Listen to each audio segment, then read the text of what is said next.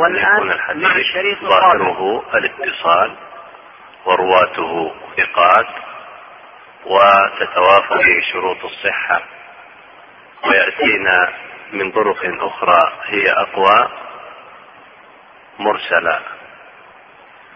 فالناظر ابتداء يرى هذا الإسناد أمامه وينظر في أحوال رجاله فيجدهم ثقات عدول ضابطون. كل سمع من الآخر لا يبدو عليه شذوذ ولا علة. حتى إذا جمع الطرق تبين له أن الرواة لم يتفقوا على رواية حديث على نحو واحد بل اختلفوا. فبعضهم يصله وبعضهم يرسله فإذا ثبت له أن الحديث الصواب فيه الإرسال يتبين له بذلك أن الحديث معل بخلاف ما كان يبدو عليه. من أمثلة الأحاديث المعلة حديث أحبب حبيبك هونا ما عسى أن يكون بغيضك يوما ما وأبغض بغيضك هونا ما عسى أن يكون حبيبك يوما ما. فهذا الحديث له إسناد مخرج فيما أتذكر عند ابن حبان وغيره.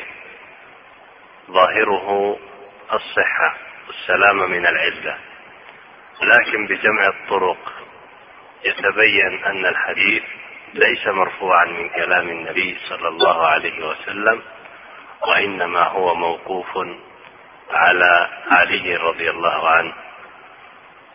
وأما الأحاديث التي وردت أخرى مرفوعة عن النبي عليه الصلاة والسلام من حديث ابن عمر أو من حديث أبي هريرة فإنها شديدة الضعف. فهذا لم يتبين إلا بعد جمع الطرق ومقارنتها. لذلك يعني كلمة علي بن المدين السابقة ينبغي الأخذ بها واعتبارها الباب إذا لم تجمع طرقه لم يتبين خطأه ويؤكدها ما جاء هنا في السياق من قول الحافظ رحمه الله الوهم إن اطلع عليه بالقرائن وجمع الطرق المعل ثم ذكر السبب السابع من أسباب الطعن في الحديث وهو المخالفة. فهذه المخالفة يقول إن كانت بتغيير السياق فمدرج الإسناد أو بدمج موقوف بمرفوع فمدرج المتن إذا الآن يفسر لنا الحافظ المدرج. ويبين لنا أن المدرج نوعان مدرج في الإسناد ومدرج في المتن أما المدرج في الإسناد فبين في الشرح أن له أقسام أو معاني. منها يقول أن يروي جماعة الحديث بأسانيد مختلفة فيرويه عنهم راو فيجمع الكل على إسناد واحد من تلك الأسانيد ولا يبين الاختلاف. مثلا لو جاءنا حديث مروي عن أبي هريرة رضي الله عنه. مدرج الإسناد فيه دقة يحتاج إلى انتباه فإنه من اصعب الأنواع. جاءنا حديث يرويه أبو هريرة رضي الله عنه. ويرويه عن أبي هريرة الأعرج عبد الرحمن بن هرمز أحد الثقات المشهورين وسعيد ابن المسيب أيضا أحد الأئمة المشهورين. ويرويه عنهما الزهري. ويرويه عن الزهري أو دعونا نذكر ثالثا عن أبي هريرة أبو سلمة. أبو سلمة بن عبد الرحمن عن أبي هريرة. وصار يرويه عن أبي هريرة كم؟ ثلاثة. ويرويه عن هؤلاء الثلاثة الزهري. ثم الزهري تلمذ على أبي سلمة وعلى آه، سعيد بن المسيب. ولا تذكر بالضبط تتلمذ, تتلمذ على الأعرج أم لا. المهم لو فرضنا أنه يرويه عن هؤلاء الثلاثة. ثم يرويه عن الزهري ثلاثة آخرون. لكن كل واحد يروي طريقا واحدا مثلا يرويه من طريق ابن المسيب معمر عن الزهري عن ابن المسيب. ويرويه من طريق أبي سلمة سفيان بن عيينة عن الزهري عن أبي سلمة. ويرويه من طريق الأعرج يونس بن يزيد عن الزهري عن الأعرج. فإذا جاءنا راو وحدث بهذا الحديث ورواه مثلا عن سفيان بن عيينة لم يسمعه إلا من سفيان بن عيينة. فقال حدثني سفيان بن عيينة عن الزهري عن سعيد بن المسيب وأبي سلمة والأعرج عن أبي هريرة. فهذا إدراج لأن حديث ابن عيينة لم يروه إلا من طريق من؟ أبي سلمة. وهذا الراوي زاد في السند الطريق الذي رواه الزهري عن سعيد بن المسيب وعن الأعرج. فهذا يسمى في الاصطلاح إدراج الإسناد. معنى الإدراج من حيث اللغة أن يدخل في الشيء ما ليس منه. فهو هنا أدخل في إسناد سفيان بن عيينة عن الزهري عن أبي سلمة ما ليس منه فأضاف حديث سعيد بن المسيب وحديث الأعرج. النوع الثاني يقول أن يكون المتن عند راو إلا طرفا منه فإنه عنده بإسناد آخر ويرويه راو عنه تاما بالإسناد الأول. بمعنى أن يكون الحديث طويلا يشتمل على جمل. وهذا الحديث مثلا لو قلنا يرويه الزهري عن أبي سلمة ويرويه الزهري عن سعيد بن المسيب عن أبي هريرة. وهذا الحديث فيه طول ومكون من جمل. حديث الزهري عن سعيد فيه بعض الجمل. وحديث الزهري عن أبي سلمة فيه بقية الجمل. فإذا جاء راو ورواه عن الزهري وجمع بين المتنين اللذان يرويهما سعيد بن المسيب وأبو سلمة مع أن كل واحد منهما إنما اقتصر على بعض الحديث دون باقيه فإن هذا نوع من الإدراج حيث أدخل حديث في حديث أبي سلمة ما هو من حديث سعيد. وأدخل في حديث سعيد ما هو من حديث أبي سلمة. هذه أو هذان النوعان من أهم أنواع الإدراج في السند.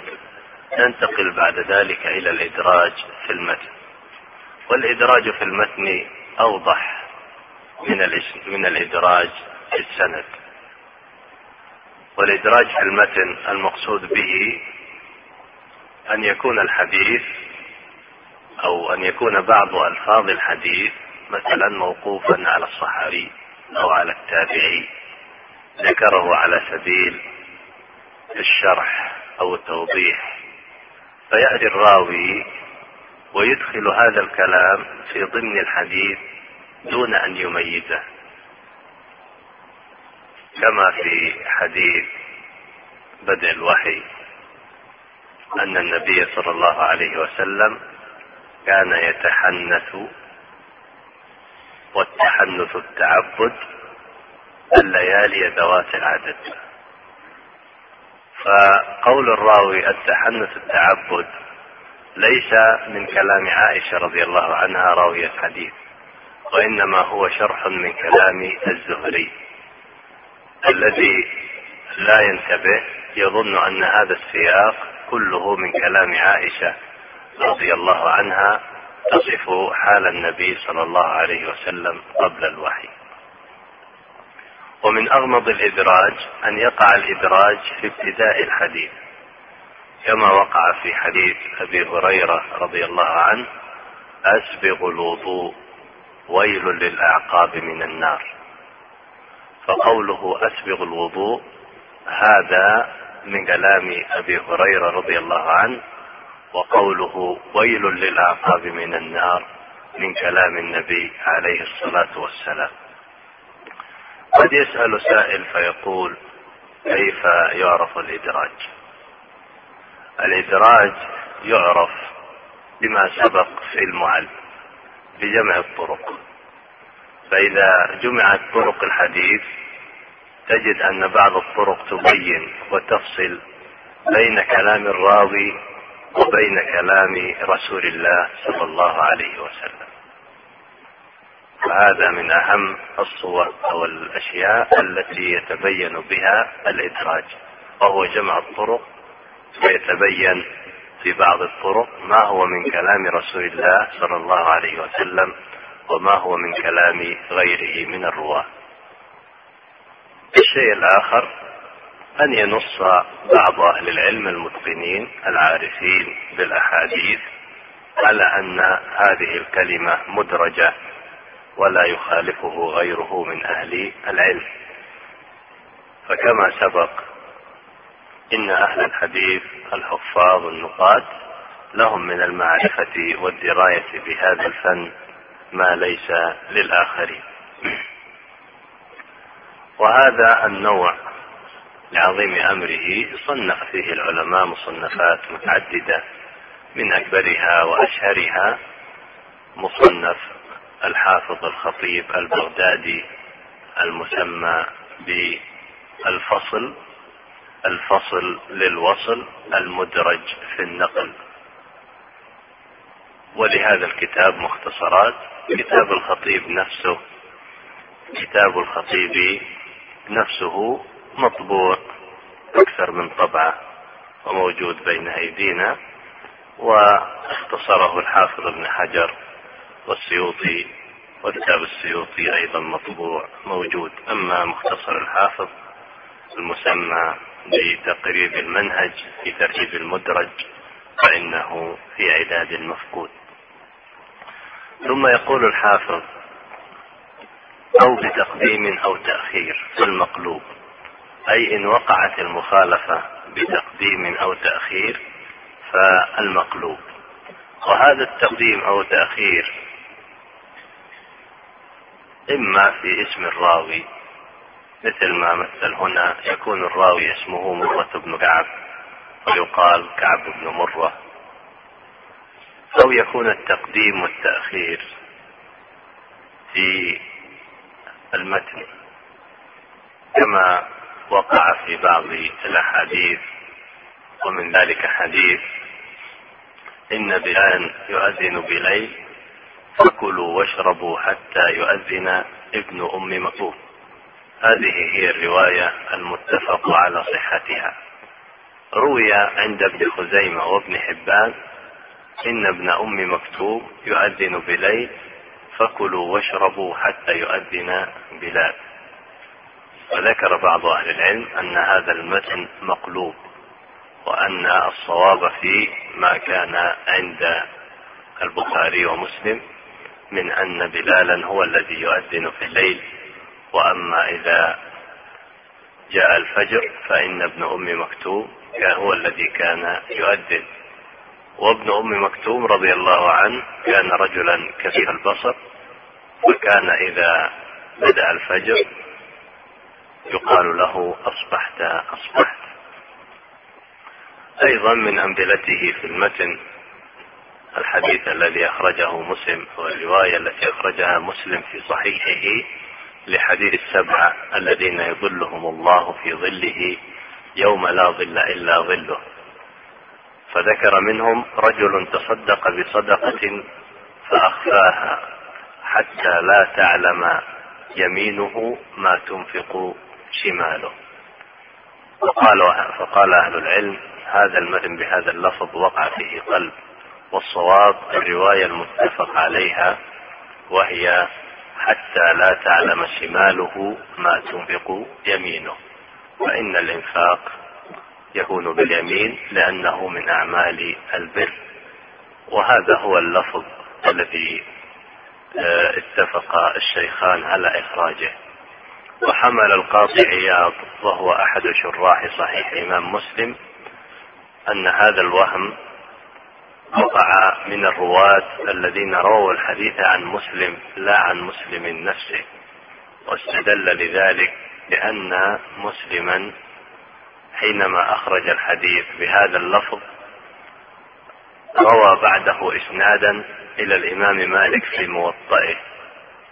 وقال بعد أن ساق الإسناد إسناد الإمام مالك قال مثله. وإذا رجعنا إلى الموطأ نجد أن في الموطأ الرواية الصواب وهي رواية حتى لا تعلم شماله ما تنفق يمينه فإذا رواية الموطأ بمثل رواية ما في الصحيح. والمثلية تقتضي أن يكون في الصحيح أيضا حتى لا تعلم شماله ما تنفق يمينه. ثم يقول الحافظ أو بزيادة راو المزيد في متصل الأسانيد. إذا كانت المخالفة بزيادة راو فهذا يسمى بالمزيد في متصل الأسانيد. المقصود بالمزيد في متصل الأسانيد كما بين أن يروى الحديث عندنا من طريق أو بإسناد يروى الحديث بإسناد معين. مثلا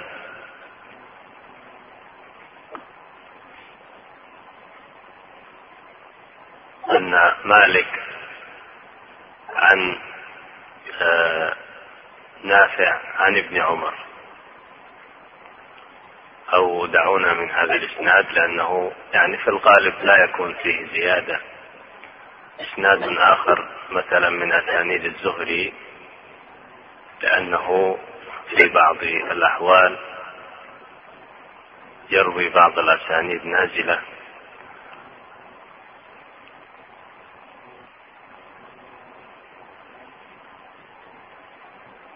مثلا آه، الزهري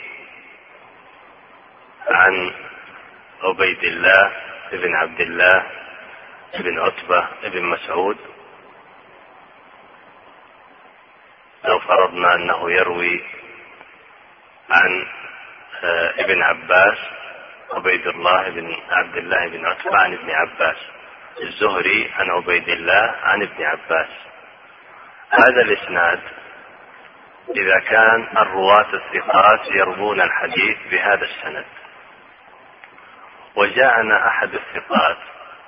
قال الزهري عن عبيد الله عن سعيد بن جبير عن ابن عباس. ما الذي حصل هنا؟ زيادة راو وهو سعيد بن جبير عن ابن عباس. فإذا كان الرواة الثقات المتقنون اتفقوا على رواية الحديث من حديث الزهري عن عبيد الله عن ابن عباس وانفرد أحد الرواة بزيادة سعيد بن جبير. فإن هذه الزيادة تسمى بالمزيد في متصل الأسانيد لأن الإسناد في الأصل متصل. الزهري عن عبيد الله عن ابن عباس. وجاءنا هذا وزاد في هذا الإسناد المتصل ذكر سعيد بن جبير. وأولئك الذين لم يذكروا زيادة هذا الرجل أوثق وأحفظ. فإذا تقدم روايتهم على روايته وتكون روايته من المزيد في متصل الأسانيد. زاد هذا الرجل في إسناد متصل ليس فيه في الأصل. وهذا النوع صنف فيه الحافظ الخطيب البغدادي كتابا سماه تمييز المزيد تمييز المزيد في متصل الأسانيد لكن هذا الكتاب لم يصل إلينا. ثم يقول الحافظ أو بإبداله ولا مرجح. يعني إذا كانت المخالفة بإبدال راو مكان راو ولا مرجح. فالمضطرب. إذا المضطرب هو أن يروى الحديث بأوجه مختلفة متساوية في القوة ولا مرجح بينها. أما إذا وجد الترجيح فإن الحديث لا يكون مضطربا. من أشهر الأمثلة للمضطرب. حديث شيبتني هود وأصحابها. شيبتني هود وأخواتها عفوا. هذا الحديث يعني يقصد النبي صلى الله عليه وسلم سورة هود بما فيها من أخبار الأنبياء وما واجههم به أقوامهم من رد لما جاءوا به من الحق وأخواتها من السور التي تشبهها. فهذا الحديث كل أسانيده أو أغلبها مدارها على أبي إسحاق السبيعي. عبد الله بن عمرو. عن عكرمه لكن بعض الرواة يقول أبو إسحاق السبيعي عن عكرمه عن ابن عباس. بعضهم يقول أبو إسحاق السبيعي عن عكرمة عن أبي جحيفة. بعضهم يقول أبو إسحاق السبيعي عن عكرمة عن عائشة رضي الله عنها. بعضهم يقول أبو إسحاق السبيعي عن عكرمة عن ابن عباس عن أبي بكر الصديق. اختلاف عريض أطنب الدار قطني في ذكره في كتاب العلل في مسند أبي بكر الصديق. وتلاحظون كلمة الحافظ أنه إذا كانت المخالفة بالإبدال فمر ابن عباس ومر أبو جحيفة رضي الله عنهم جميعا ومر عائشة رضي الله عنها ومر ابن ابن عباس عن أبي بكر الصديق رضي الله عنه فهذا اختلاف كثير وابدال للرواة بعضهم عن بعض. ولا يمكن أن يكون الحديث عن هؤلاء جميعا لأن مخرج الحديث واحد وهو أبو إسحاق السبيعي عن عكرمة. نعم فهذا الاختلاف العريض مع تكافؤ الطرق وعدم الترجيح يدعو إلى الحكم باضطراب الحديث وعدم صحته. المضطرب نوع من أنواع الضعيف. قالوا والسبب في ذلك أن المضطرب يدل على أن راويه لم يضبط. والضبط كما مر من شروط الحديث الصحيح. اذا المضطرب نوع من أنواع الضعيف لأن ذلك يدل على أن راويه لم يضبطه وإلا لما وقع في هذا الاضطراب. يقول الحافظ وقد, يقع الإبدال عمدا وامتحانا. الإبدال هنا بمعنى القلب. قد يقع عمدا وامتحانا. من أشهر الأمثلة لذلك أن الإمام البخاري رحمه الله تعالى حينما قدم بغداد وكان قد اشتهر صيته وذكره عند الناس. وأراد أهل بغداد أن يعرفوا هل ما وصلهم من أخباره من حفظه وإتقانه هذا صحيح أم لا؟ فأرادوا أن يعملوا له امتحانا. فماذا فعلوا؟ جمعوا عشرة رواة أو عشرة رجال وأعطوا كل واحد منهم عشرة أحاديث بأسانيدها وماذا فعلوا؟ جعلوا إسناد الحديث الأول لإسناد الحديث العاشر وإسناد الحديث الثاني للتاسع وهكذا. فقلبوا أسانيد تلك المتون. كل حديث جعلوا له إسنادا آخر غير إسناده. فأعطوا هذه العشرة المقلوبة للأول ثم للثاني عشرة أخرى مقلوبة إلى العاشر وصارت مئة حديث مقلوبة الأسانيد. فلما قدم الإمام البخاري واحتفوا به قالوا له أيها الإمام نريد أن نسألك عن بعض الأحاديث. فبدأ الأول وقال حديث فلان عن فلان عن فلان. قال قال رسول الله صلى الله عليه وسلم كذا. قال الإمام البخاري لا أعرفه. الثاني قال لا أعرفه. الثالث قال لا أعرفه حتى انتهت العشرة الأولى. ثم العشرة الثانية كذلك إلى الراوي العاشر. انتهت المئة حديث وهو يقول لا أعرفه لأن هذه الأحاديث ليست بتلك الأسانيد. ثم بعد أن فرغوا رجع إلى الأول فقال أما حديثك الذي ذكرت أنه رواه فلان عن فلان عن فلان الصواب أنه رواه فلان عن فلان عن فلان. وأما الحديث الثاني الذي ذكرت أنه رواه فلان عن فلان والصواب أنه لم يروه فلان وإنما رواه فلان عن فلان. حتى انتهى من العشرة الأولى يذكر الخطأ ثم يذكر الصواب. وهكذا في العشرة الثانية والثالثة والرابعة وانتهت العشرة العاشرة وهو يرد الخطأ ويبين الصواب فيه فأذعن الناس له وشهدوا له بحفظه وفضله. فهذا القلب الذي وقع من هؤلاء البغداديون أرادوا به الامتحان ولم يقع منهم على سبيل الخطأ والوهم وإنما ليختبروا الإمام البخاري هل ما وصلهم من أخباره من حفظه وإتقانه موافق للواقع أم لا؟ واختلف العلماء في هذا القلب للامتحان هل يجوز أم لا؟ فبعضهم ذكر أنه يجوز إذا كان لمصلحة. لكن بشرط ألا يروى الحديث بعد ذلك على ذلك الوجه المقلوب. وإنما ينتهى من ذلك القلب عند انتهاء الحاجة منه. وقالوا ثمرة ذلك معرفة ضبط الرواة. ومعرفة ضبط الرواة مقصد ينبغي اقتفاؤه. ثم يقول الحافظ رحمه الله تعالى أو بتغيير مع بقاء السياق فالمصحف والمحرف. يعني إذا وقعت المخالفة بسبب تغيير مع بقاء السياق بمعنى أن المتن هو هو إلا أن كلمة منه وقع فيها تغيير. هذا التغيير إما أن يكون في الشكل وإما أن يكون في النقد.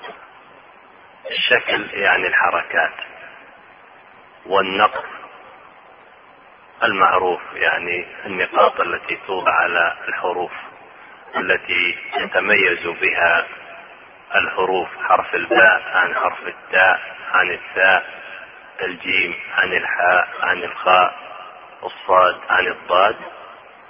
وجرت عادة أهل الضبط أن الحرفين اللذين ليس لهما ثالث واحدهما منقوط والآخر غير منقوط يقولون عن الأول غير المنقوط يسمونه بالمهمل والمنقوط يسمونه بالمعجم.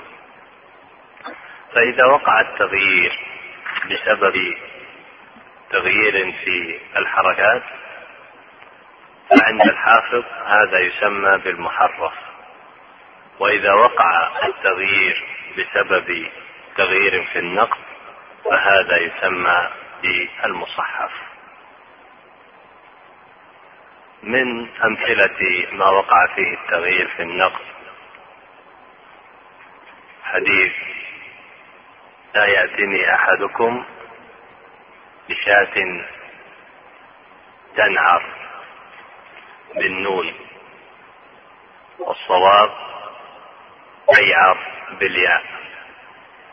الفرق بين تنعر وتيعر هو النقص يعني هناك النون بنقطة من فوق والصواب أنه بالياء بنقطة من تحت. أو أن يقع مثلا التصحيف في اسم راو في السند. الراوي يكون اسمه بشر فيقول نسر. والفرق بين كلمة نسر وبشر هو النقص وأما من حيث رسم الكلمة فواحد. وهذا التصحيف والتحريف تكون سلامة منه بالأخذ من أفواه الشيوخ المتقنين. واعتماد النسخ المضبوطة المحررة من الكتب. فإنه بذلك يقل التصحيف والتحريف. يقول الحافظ رحمه الله بعد ذلك. يعني أيضا قبل أن ننتقل أنبه إلى أن مسألة الفرق بين التصحيف والتحريف هنا هذا اجتهاد الحافظ رحمه الله تعالى وإلا المشهور بين أهل العلم أن التصحيف والتحريف بمعنى واحد فما وقع فيه التغيير بالنقط يسمى تصحيفا وتحريفا. وما وقع فيه التغيير في الشكل أيضا يسمى تصحيفا وتحريفا إلا أن الحافظ هنا يرى تمييز كل واحد من النوعين باسم خاص به وهذا اجتهاده الخطب في ذلك يسير. أن هذه مسألة شكلية يعني لا, لا بأس بها. إنما يكثر عند أهل العلم استعمال كلمة تصحيف أكثر من استعمال كلمة تحريف لأن الغالب أن التصحيف سببه الوهم والخطأ والغالب أن التحريف يكون متعمدا. فلذلك يستعملون كلمة تصحيف أكثر من استعمالهم لكلمة تحريف. وهذا النوع صنف العلماء فيه مصنفات متعددة منها كتاب لأبي أحمد العسكري اسمه تصيفات المحدثين وهو مطبوع في ثلاثة مجلدات وهناك كتاب للدار قطني يقال إنه يوجد مخطوطة ومسألة التصحيف هذه والتحريف يعني حاربها العلماء أو صنفوا فيما يخدمها تصانيف عديدة. فلذلك الطالب إذا أشكل عليه كلمة يخشى أن يكون ينطقها على خلاف ما هي عليه. يخشى أن ينطقها على خلاف ما هي عليه. فيخطئ في حركاتها أو نقطها فليراجع تلك الكتب التي منها مثلا كل شروح الحديث. فإنهم يعتنون بضبط الكلمات التي في المتون والأسماء التي في الأسانيد. وأيضا مما يتعلق في الأسانيد وأسماء الرجال الكتب التي تسمى بكتب المؤتلف والمختلف وهذه سيأتينا إن شاء الله ذكرها في موضعها فإنها تضبط الأسماء وتبين الفرق بين من اسمه بشير وبشير وحبان وحبان وحبان وما شابه ذلك من الأسماء.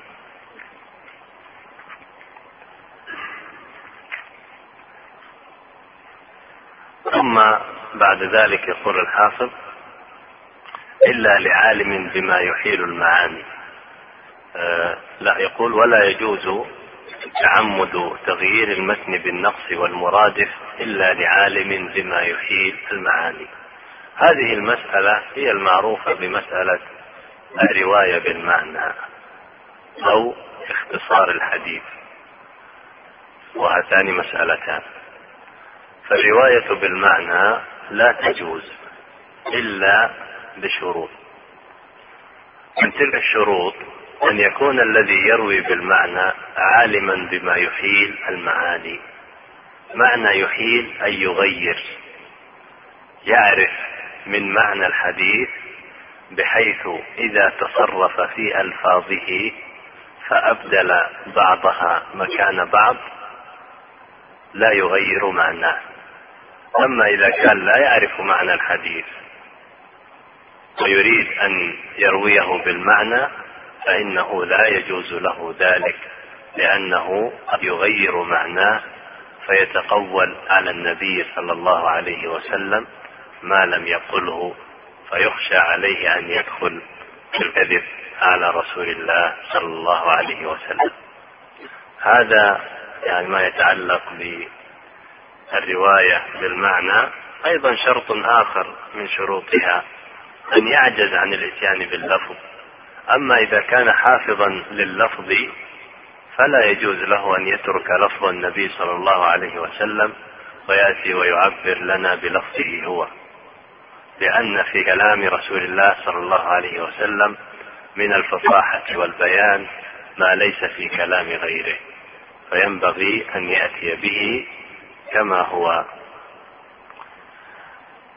أما مسألة الاختصار وهي التي عبر عنها بالنقص إذا كان الاختصار المقصود به أن يأتي بالجمل التي يحتاج إليها في الباب الذي يبوبه في كتابه.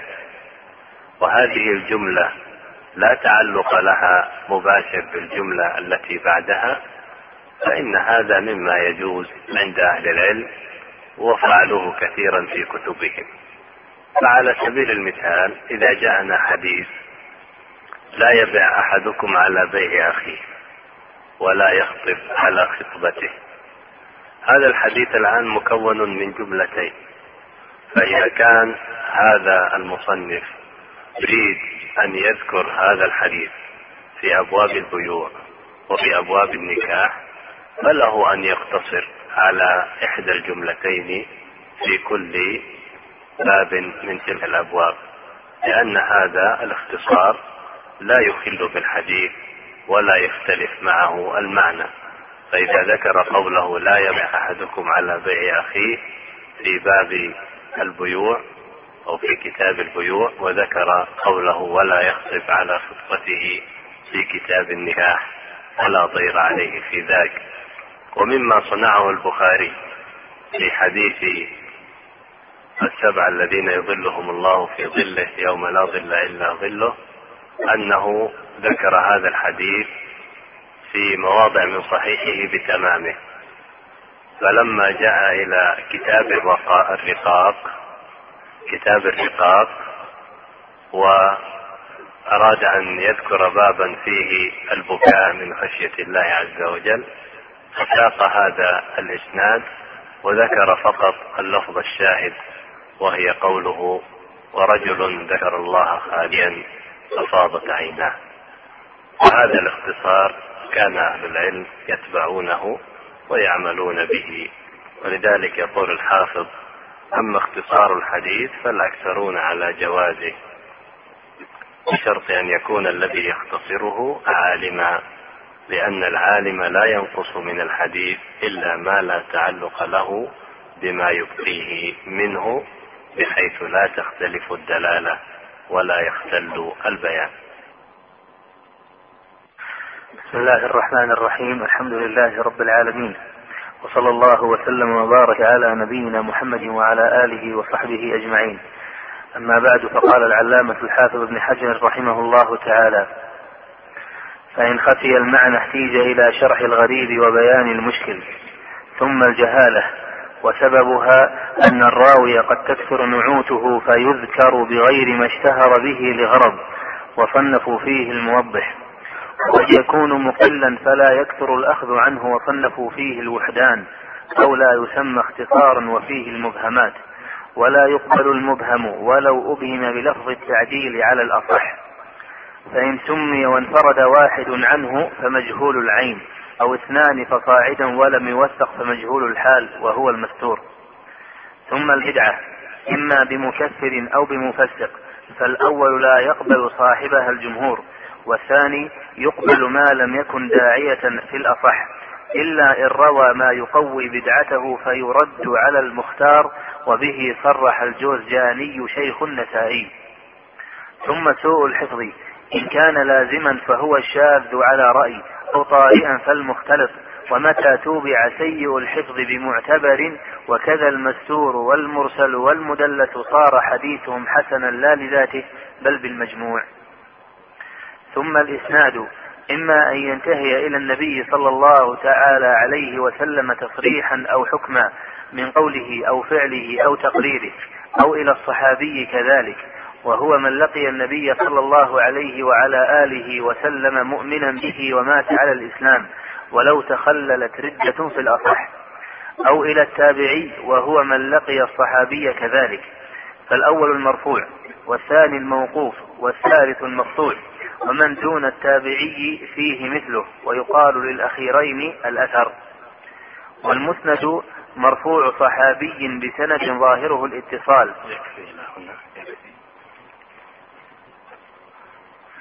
يقول الحافظ رحمه الله تعالى فإن خفي المعنى احتيج إلى شرح الغريب وبيان المشكل. إذا خفي معنى الحديث وذلك بسبب وجود كلمة غريبة فيه بعيدة عن الفهم ففي هذه الحالة يحتاج إلى شرح الغريب وبيان المشكل. من أمثلة ذلك حديث البذاذة من الإيمان. البذاذة هذه كلمة قد تكون بعيدة عن الفهم عند الكثير وذلك لقلة ورودها. فإذا مر معنا مثل هذا اللفظ في بعض الأحاديث فيقول الحافظ في هذه الحالة نحتاج إلى شرح الغريب. وهناك كتب اعتنت ببيان وشرح غريب الحديث النبوي الشريف ومن أنفعها وأقربها تناولا كتاب النهاية في غريب الحديث لمجد الدين ابن الأثير. فإنه من أجمع الكتب المؤلفة في بيان غريب الحديث النبوي.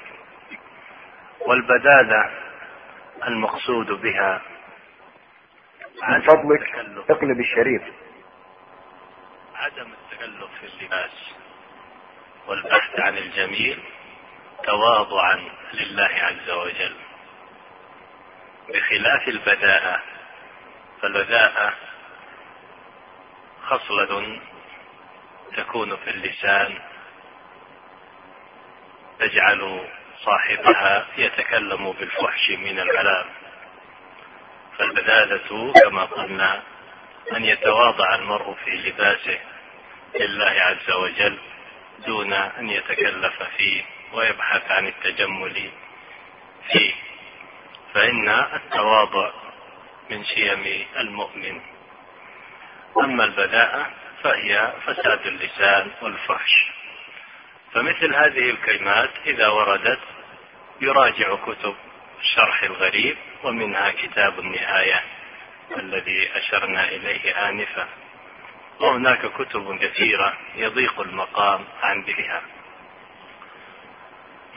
وكذلك إذا كان اللفظ مستعملا بكثرة لكن في مدلوله دقة احتيج إلى الكتب المصنفة في شرح معاني الأخبار وبيان المشكل. مشكل الحديث يطلقه بعض أهل العلم ويريدون به مختلف الحديث الذي مر معنا سابقا وهو أن يكون هناك حديثان ظاهرهما التعارض فيلجأ أهل العلم إلى الجمع بينهما بطرق من طرق الجمع. وقد يكون الإشكال بسبب غرابة اللفظ وقد يكون الإشكال بسبب أن اللفظ مستعمل في عدة معان فيحتاج الطالب أن يتبين تلك المعاني وأشهر مصنف في بيان المشكل كتاب مشكل الحديث للحافظ الطحاوي. كما أن جميع شراح الحديث يعتنون بهذا الجانب ويولونه اهتماما كثيرا ويوضحون ما قد يشل من معاني الأحاديث ويجلونها. ثم يقول الحافظ رحمه الله تعالى ثم الجهالة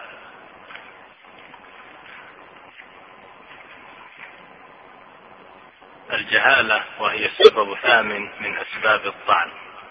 ما زلنا في أسباب الطعن في الراوي.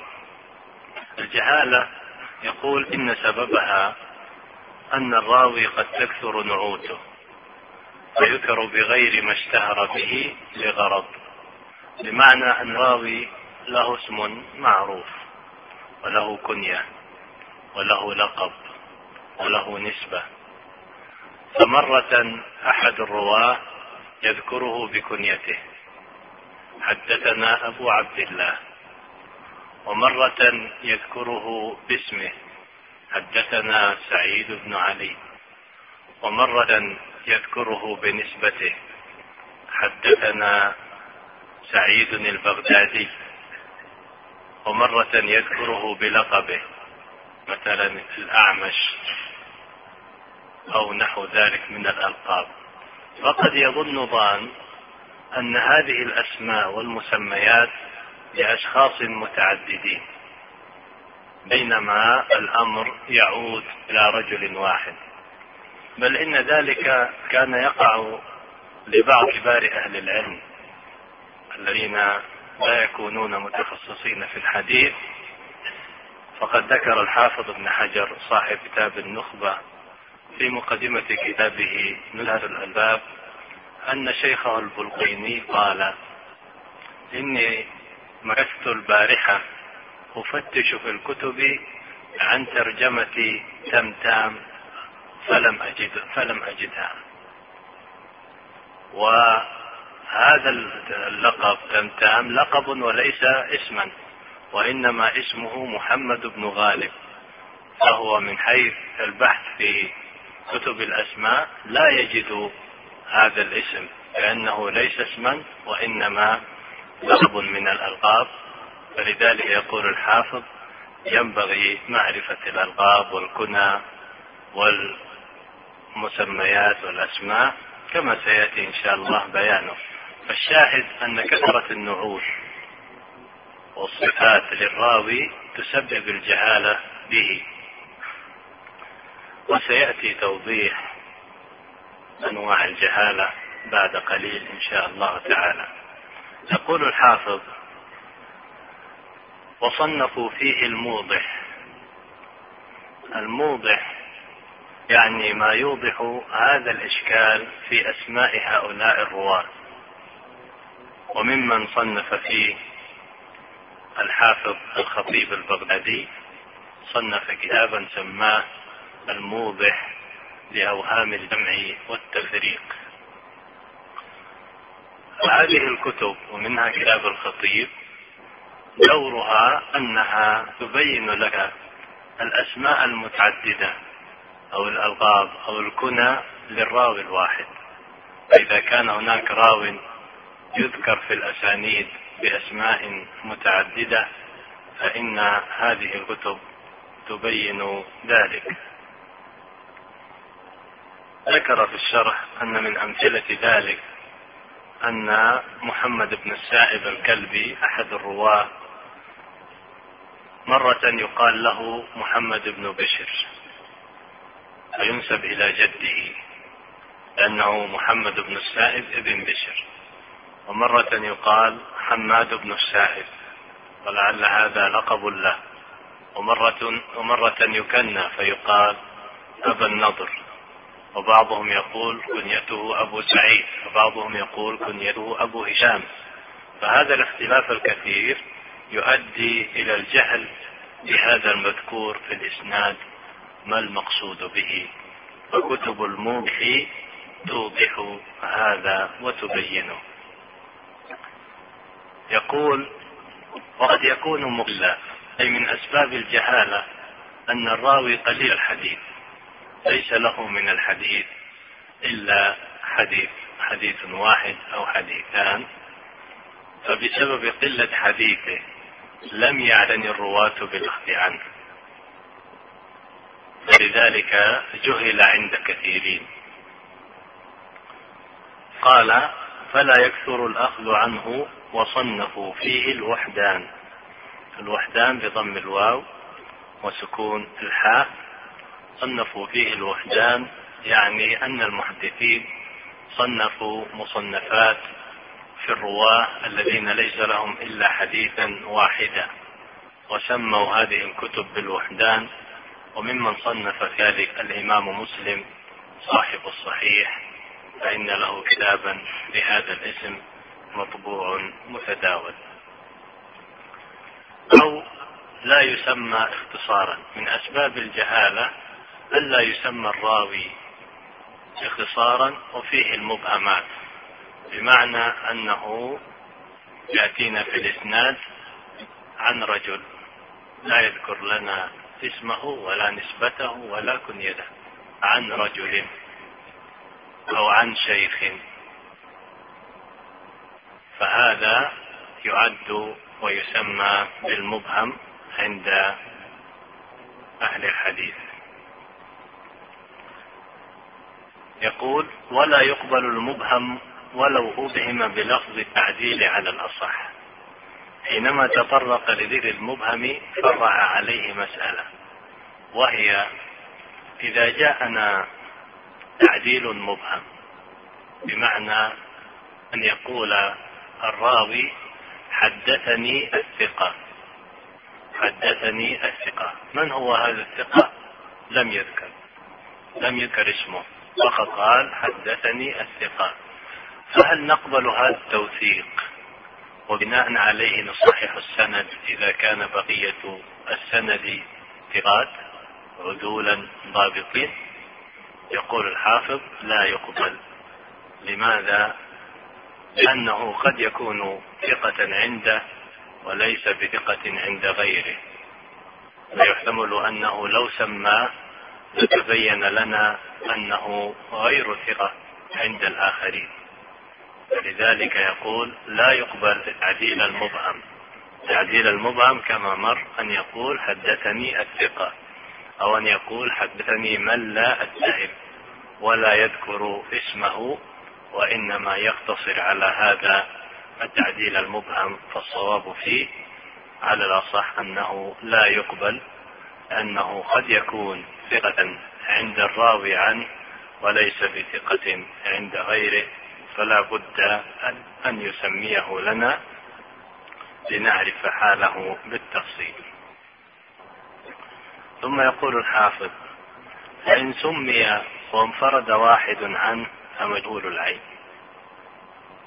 إذا ذكر لنا هذا الراوي لكن لم يروي عنه إلا واحد ولم نجد فيه توثيقا ولا تجريحا وهذا هو الذي يسمى في اصطلاح المحدثين بمجهول العين.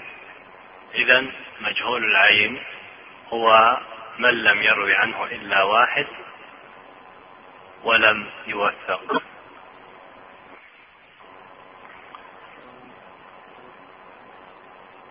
ثم قال أو اثنان فصاعدا ولم يوثق فمجهول الحال.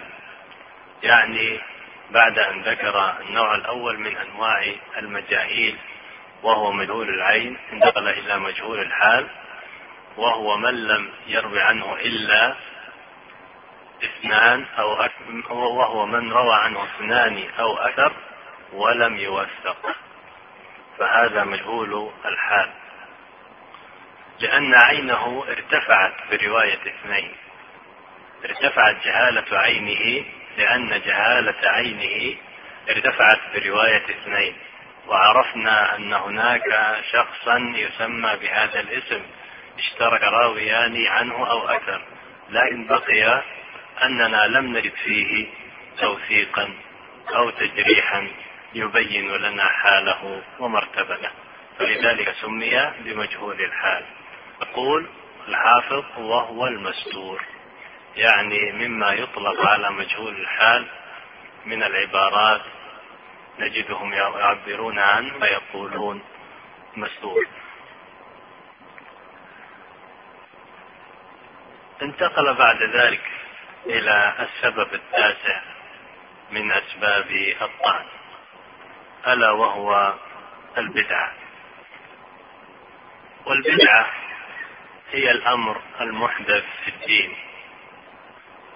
هي الأمر المحدث في الدين مما لم يثبت فيه عن النبي صلى الله عليه وسلم والسلف الصالح شيء. من أسباب الطعن البدعة وقسم البدعة يقول الحافظ ثم البدعة إما بمكفر أو بمفسق. تكون البدعة مكفرة. إذا خالف ما هو معلوم في الدين بالضرورة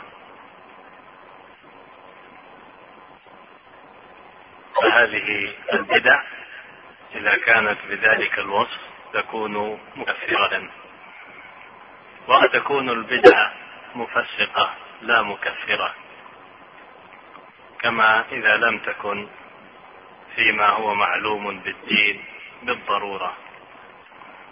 يقول الحافظ فالأول يعني البدعة المكفرة لا يقبل صاحبها الجمهور. يعني جماهير أهل العلم لا يقبلون رواية المبتدع الذي بدعته مكفرة. والثاني يقبل من لم يكن داعية للأصح. إلا إن روى ما يقوي بدعته فيرد على المختار وبه صرح الجوزجاني شيخ النسائي. يعني بهذا أن البدعة التي ليست بمكفرة كمثل القول بالإرجاء رجاء الفقهاء وهو إخراج العمل من الإيمان أو التشيع الذي هو فقط تقديم علي رضي الله عنه على أبي بكر وعمر في الفضل وليس سب الصحابة فإن سب الصحابة رضوان الله عليهم يعد رفضا وعلامة الرافضي أن يسب الصحابة رضوان الله عليهم. فإذا كانت البدعة ليست مكفرة مثل رجال الفقهاء أو التشيع. ويقول الحافظ للعلماء في ذلك تفصيل وهو إذا كان ذلك المبتدع غير داعية إلى بدعته فتقبل روايته. لأن الداعية عنده جرأة على مخالفة السنة ومخالفة أهلها فينبغي إخمادا لبدعته البعد عنه وعدم قبول روايته. إهانة له. وأما إذا لم يكن داعية فإن روايته تكون مقبولة. وأضاف شرطا وهو ألا تكون تلك الرواية مما يؤيد تلك البدعة. لأنه قد يطرأ أو يفعل بعض التدليس في تلك الرواية التي تؤيد بدعته بسبب ما وقع فيه من الهوى والبدعة يقول فإن روى إلا إن روى ما يقوي بدعته فيرد على المختار وبه صرح الجوزجاني. الجوزجاني هذا أحد حفاظ الحديث له كتاب أحوال الرجال وهو شيخ أبي داود والنسائي أصحاب السنن صرح بهذا القول. وبعض أهل العلم ينظر إلى القضية من ناحية أخرى فيقسم البدعة إلى ثلاثة أقسام. إلى بدعة شديدة وبدعة متوسطة وبدعة يسيرة. أما البدعة الشديدة فهي التجهم والرفض. وأما البدعة المتوسطة التجاهم والرفض هذان بدعتان هاتان بدعتان شديدتان. وأما البدعة المتوسطة فكالقول بالقدر. وأما البدعة الخفيفة فكالإرجاء والتشيع. فيقول أصحاب البدع الشديدة لا يؤخذ عنهم البتة.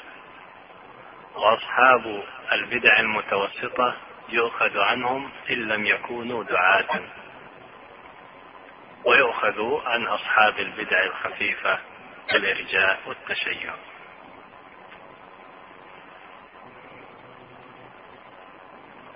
ثم يقول الحافظ ثم سوء الحفظ. وهو السبب العاشر من أسباب الطعن في الراوي. ومعنى سوء الحفظ أن يستوي احتمال احتمال خطأ الراوي مع احتمال صوابه. فإذا استوى احتمال خطأه مع احتمال صوابه دون أن يترجح أحدهما دون أن يترجح أحدهما فإن ذلك الراوي يوسم بسوء الحفظ. يقول الحافظ ثم سوء الحفظ إن كان لازما فهو الشاذ على رأي. سبق معنا نوع الشاذ ولعلنا ذكرنا هناك أن هناك نوعا آخر من أنواع الشاذ. وهنا نبه عليه الحافظ وهو رواية من ساء حفظه إذا انفرد بالحديث. ولعل هذا على رأي من يشرك في بعض الأحوال بين الشاذ والمنكر. فإن سيء الحفظ ضعيف والضعيف إذا تفرد قدم معنى أن حديثه يسمى منكرا. فكذلك الحال بالنسبة لسيء الحفظ إذا تفرد فإن حديثه يكون منكرا. والمنكر والشاذ يأتيان بمعنى واحد. فلذلك قال الحافظ فهو الشاذ على رأي. عند بعض أهل العلم يطلقون على الحديث الذي ينفرد به سوء سيء الحفظ أنه شاذ. أو طارئا المختلط. أي إذا كان سوء الحفظ طارئا. طارئا بمعنى أن هذا الراوي لم يكن سيء الحفظ ولكن استجد عليه سوء الحفظ. كان حافظا متقنا ولكن أدركته آفة من الآفات ومصيبة من المصائب سببت له سوء الحفظ. فهذا يسمى في الاصطلاح بالمختلط. والاختلاط تغير يقع للراوي بسبب آفة من الآفات. فبعضهم مثلا تذهب كتبه أو تحترق كما هو الحال بالنسبة لعبد الله بن لهيعة قالوا احترقت كتبه فاختلط حفظه. أو يكبر في السن كبرا شديدا حتى يتغير ذهنه ويختلط حتى لا يدري ما يحدث به. أو يموت له قريب عزيز عليه فيتغير عقله بسبب تلك المصيبة التي وقعت عليه. الاختلاط له أسباب كثيرة وكما قلت أو كما قال الحافظ هنا الاختلاط أمر طارئ. يكون آه، مستجدا على الراوي إما لكبره أو لذهاب بصره أو لاحتراق كتبه أو نحو ذلك. والحكم في حديث المختلف أنه إذا تميز من أخذ عنه قبل اختلاطه عم ومن أخذ عنه بعد اختلاطه فإن من روى عنه قبل اختلاطه فحديثهم صحيح. ومن روى عنه بعد اختلاطه فحديثهم عنه ضعيف. ومن لم يتميز بحيث لم يعرف هل روى عنه قبل الاختلاط أو بعد الاختلاط فهذا يلتحق بالضعيف من أجل الاحتياط. إذا إذا عرف من أخذ عن المختلط قبل اختلاطه فأولئك يصحح حديثهم. ومن أخذ عنه بعد اختلاطه يضعف حديثهم. ومن لم يتميز لم يعرف هل أخذوا عنه قبل الاختلاط أو بعد الاختلاط فيلحق حديثهم بالضعيف احتياطا للحديث النبوي.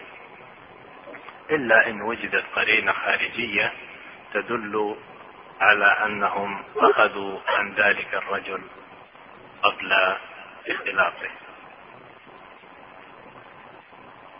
بعد أن انتهى الحافظ من أسباب الطعن في الراوي انتقل إلى نوع جديد متعلق بها لأن أسباب الطعن هذه منها ما يرتفع الضعف بأمر خارجي يوجد معها. ومنها ما لا ينفع فيه شيء. فمما لا ينفع فيه شيء الكذب والاتهام به وفحش الغلط وشدة الغفلة فهذا ضعف شديد لا يقبل الانجبار والاعتضاد بغيره. يقول الحافظ هنا ومتى توبع السيء الحفظ بمعتبر؟ وكذا المستور والمرسل والمدلس. صار حديثهم حسنا لا لذاته بل بالمجموع. يعني هذه الأنواع الخمسة. حديث سيء الحفظ وحديث المستور وحديث المرسل وحديث المدلس. و قلنا وحديث المختلف. نعم. هذه الأنواع الخمسة إذا توبعت بمعتبر والمعتبر ما كان بمثابتها ومنزلتها أو أعلى منها. المعتبر ما كان بمنزلتها أو أعلى منها. فإن الحديث يرتقي من كونه ضعيفا إلى أن يصير حسنا.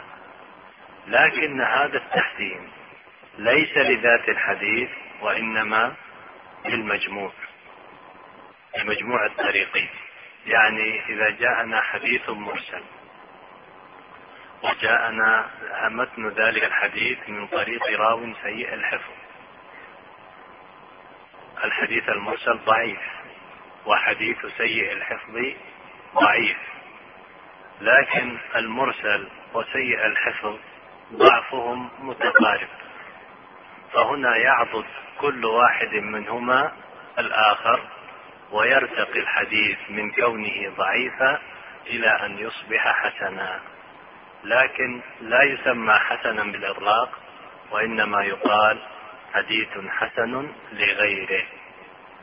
حديث حسن لغيره. اذا لو أردنا أن نعرف الحديث الحسن لغيره نقول هو الحديث الضعيف الذي لم يشتد ضعفه وروي من وجه آخر اعتضد به وروي من وجه آخر اعتضد به. إذا الحديث الحسن لغيره هو الحديث الضعيف الذي لم يشتد ضعفه وروي من وجه آخر اعتضد به.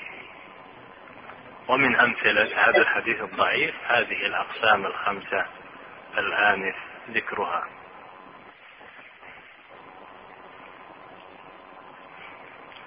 بعد أن انتهى الحافظ من الكلام على أنواع الحديث من حيث الصحة والضعف وأسباب الضعف انتقل إلى أمور أخرى تتعلق بعلم الحديث ويعتريها الصحة والحسن والضعف إلى آخره.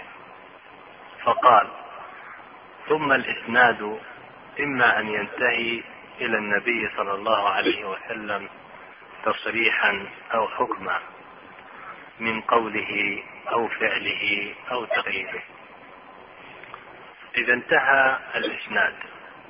وسبق أن قلنا إن الإسناد المقصود به سلسلة الرجال التي يروى بها المتن. فلان قال حدثنا فلان عن فلان إلى النبي صلى الله عليه وسلم. فإذا انتهى الإسناد إلى رسول الله صلى الله عليه وسلم. تصريحا بأن يقول الراوي قال رسول الله صلى الله عليه وسلم كذا. أو فعل رسول الله صلى الله عليه وسلم كذا. فهذا في اصطلاح المحدثين يسمى بالمرفوع. يسمى بالمرفوع. فإذا المرفوع هو ما أضيف إلى النبي صلى الله عليه وسلم من قوله أو فعله.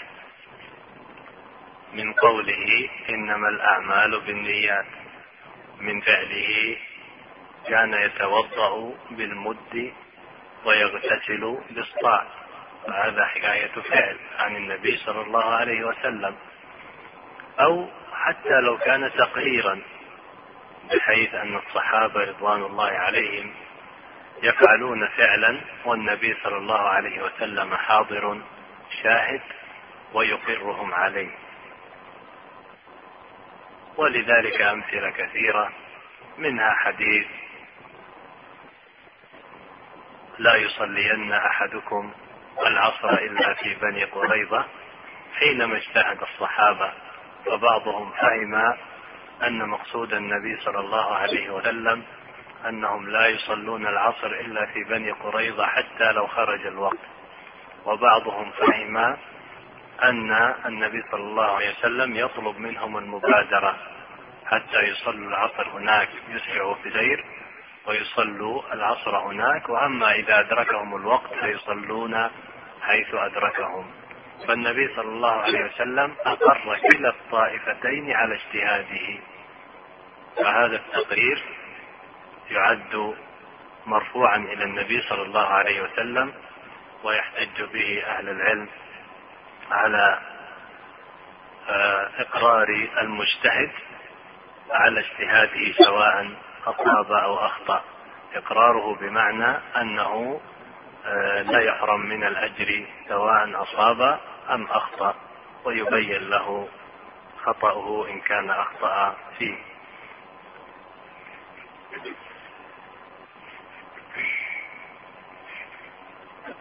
نبه هنا أيضا إلى أمر آخر وهو المرفوع حكما. المرفوع حكما وله أنواع عديدة. يضيق المقام عن ذكرها. مثل أن يخبر الراوي عن سبب نزول آية. فهذا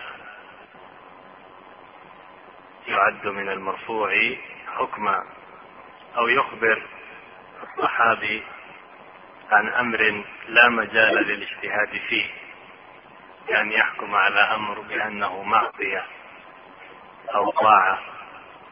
كقول أبي هريرة رضي الله عنه من لم يجب الدعوة فقد عصى أبا القاسم. وقول سلمان من لم من صام يوم الشك فقد عصى أبا القاسم. فمثل هذه الأحاديث لها حكم الرفع لأنها لا تقال بالرأي والإجتهاد. قول ابن مسعود رضي الله عنهما من أتى ساحرا أو عرافا فقد كفر بما أنزل على محمد صلى الله عليه وسلم. فهذا الكلام من كلام الصحابي وليس من كلام رسول الله صلى الله عليه وسلم لكن له حكم الرفع. لماذا؟ لأنه لا يمكن أن يقوله الصحابي إلا عن توقيف من رسول الله عليه الصلاة والسلام. ثم قال الحافظ أو إلى الصحابي كذلك. يعني أن يكون ذلك الأمر يضاف إلى الصحابي من قوله أو فعله. فمثلا ما ذكره الإمام البخاري معلقا في صحيحه أن عمر رضي الله عنه قال تعلموا قبل أن تسودوا. هذا من كلام عمر فهذا في اصطلاح المحدثين يسمى بالموقوف. وما أضيف إلى الصحابي من قوله أو فعله يسمى في الاصطلاح الموقوف. وكذلك إذا كان من فعل الصحابي كما كان ابن عمر كما في الحديث الذي رواه أو الأثر الذي رواه البيهقي في سننه بإسناد صحيح أن ابن عمر كان يرفع يديه عند كل تكبيرة من تكبيرات الجنازة. فهذا حكاية فعل عن الصحابي فيسمى في الاصطلاح موقوفا. حينما ذكر الصحابي عرج الحافظ على التعريف بالمقصود بالصحابي. فقال وهو من لقي النبي صلى الله صلى الله عليه وعلى آله وسلم مؤمنا به ومات على الإسلام ولو تخللت عدة في الأصح. فإذا الصحابي من لقي النبي صلى الله عليه وسلم وترك التعبير عن قوله من رأى لأن بعض الصحابة رضوان الله عليهم كانوا أكفاء فهل يخرج من الصحبة بسبب عدم رؤيته؟ فإذا التعبير بقوله من لقي أجود من قول القائل من رأى من لقي النبي صلى الله عليه وسلم مؤمنا به يعني كان في وقت لقائه النبي عليه الصلاة والسلام مؤمنا به. وأما مثلا من لقي النبي صلى الله عليه وسلم وهو كافر. ثم لم يسلم إلا بعد وفاة النبي عليه الصلاة والسلام فهذا لا يعد صحابيا. ومات على الإسلام. ويشترط في الصحابي أن يكون قد مات على الإسلام ولم يمت كافرا أو مرتدا. ولو تهللت ردة. ولو كان هذا الصحابي لقي النبي صلى الله عليه وسلم مسلما ثم ارتد لكنه بعد ارتداده قد عفى أسلم. فهذا أيضا يعد صحابيا على الأصح.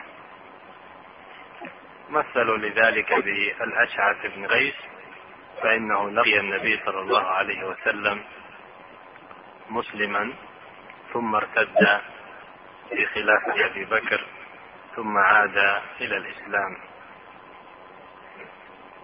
وأخرج أصحاب المسانيد حديثه في كتبهم بناء على أنه صحابي. ثم قال الحافظ أو إلى التابعين. يعني إذا كان الإسناد انتهى إلى التابعين. والتابعي يقول الحافظ وهو من لقي الصحابي كذلك.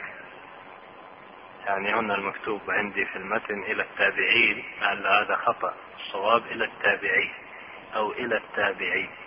إذا كان عندكم في المتن إلى التابعين فهو خطأ يصحح. أو إلى التابعي وهو من لقي الصحابي كذلك. يعني إذا انتهى السند إلى التابعي والتابعي من هو؟ من لقي الصحابي وهو مؤمن بدين الإسلام ومات على ذلك. فهذا يسمى بالتابعي. فما أضيف إلى التابعي من قوله أو فعله فإنه كما سيأتي يسمى المقطوع. يسمى المقطوع. مثل قول الحسن البصري رحمه الله تعالى وهو من أجلاء التابعين يقول ليس الإيمان بالتحلي ولا بالتمني ولكن ما وقر في القلب وصدقه العمل. وبعض الرواة رفع الحديث إلى النبي صلى الله عليه وسلم وهو خلاف الصواب والصواب أنه من كلام الحسن البصري أحد أئمة التابعين رحمه الله تعالى. يقول الحافظ وعاد إلى مسألة اللف والنشر فقال فالأول المرفوع والثاني الموقوف والثالث المقطوع ومن دون التابعي فيه مثله. يعني أيضا ما أضيف إلى تابع التابعي من قوله أو فعله فإنه يسمى مقطوعا. يقول ويقال للأخيرين الأثر أي الموقوف والمقطوع يسميان في اصطلاح بعض المحدثين بالأثر. الآثار ما يروى عن الصحابة والتابعين هذا بالمعنى المشهور وإلا عند بعض المحدثين حتى الحديث النبوي الشريف يسمى أثرا. لكن المشهور عند المحدثين أن الأثر ما روي عن الصحابة أو عن التابعين رضي الله عنهم ورحمنا وإياهم. ثم بعد أن ذكر الحديث المرفوع ربط بينه وبين نوع آخر وهو المتصل فإذا وجدنا حديثا مرفوعا بسند ظاهره الاتصال فإنه عند أهل الحديث له اسم خاص وهو المسند. إذا المسند كما يقول الحافظ ابن حجر مرفوع صحابي بسند ظاهره الاتصال.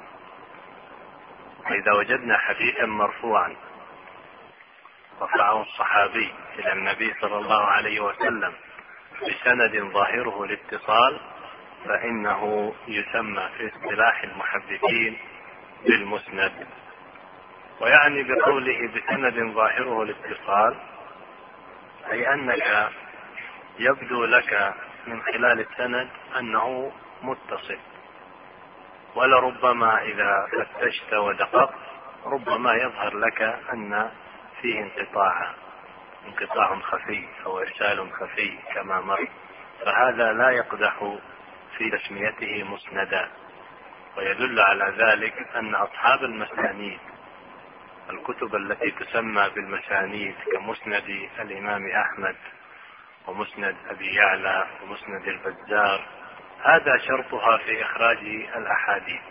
الشرط الأول أن يكون الحديث مرفوع صحابي يرفعه الصحابي إلى النبي صلى الله عليه وسلم. والشرط الثاني أن يكون ظاهر السند الاتصال وإلا قد يكون في السند عنعنة مدلس أو إرسال خفي فإن ذلك لا يمنع من تخريج الحديث.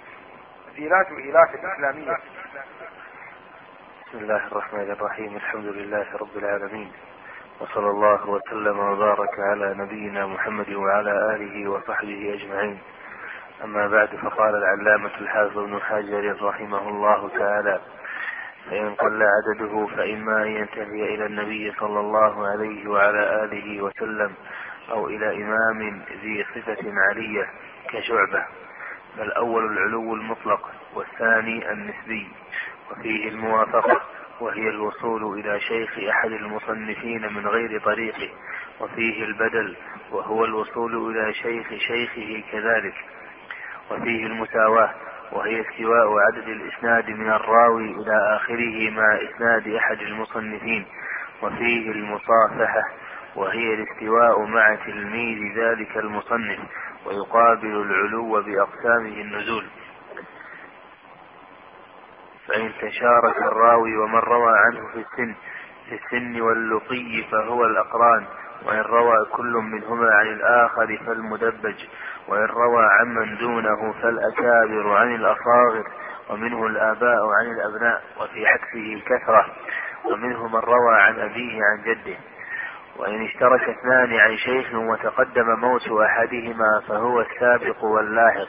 وإن روى عن اثنين متفقي الاسم ولم يتميزا فباختصاصه بأحدهما يتبين المهمل. وإن جحد مرويه جزما رد أو احتمالا قبل قبل لم تكتمل مادة هذا الشريط بعد. لذا نرجو متابعة.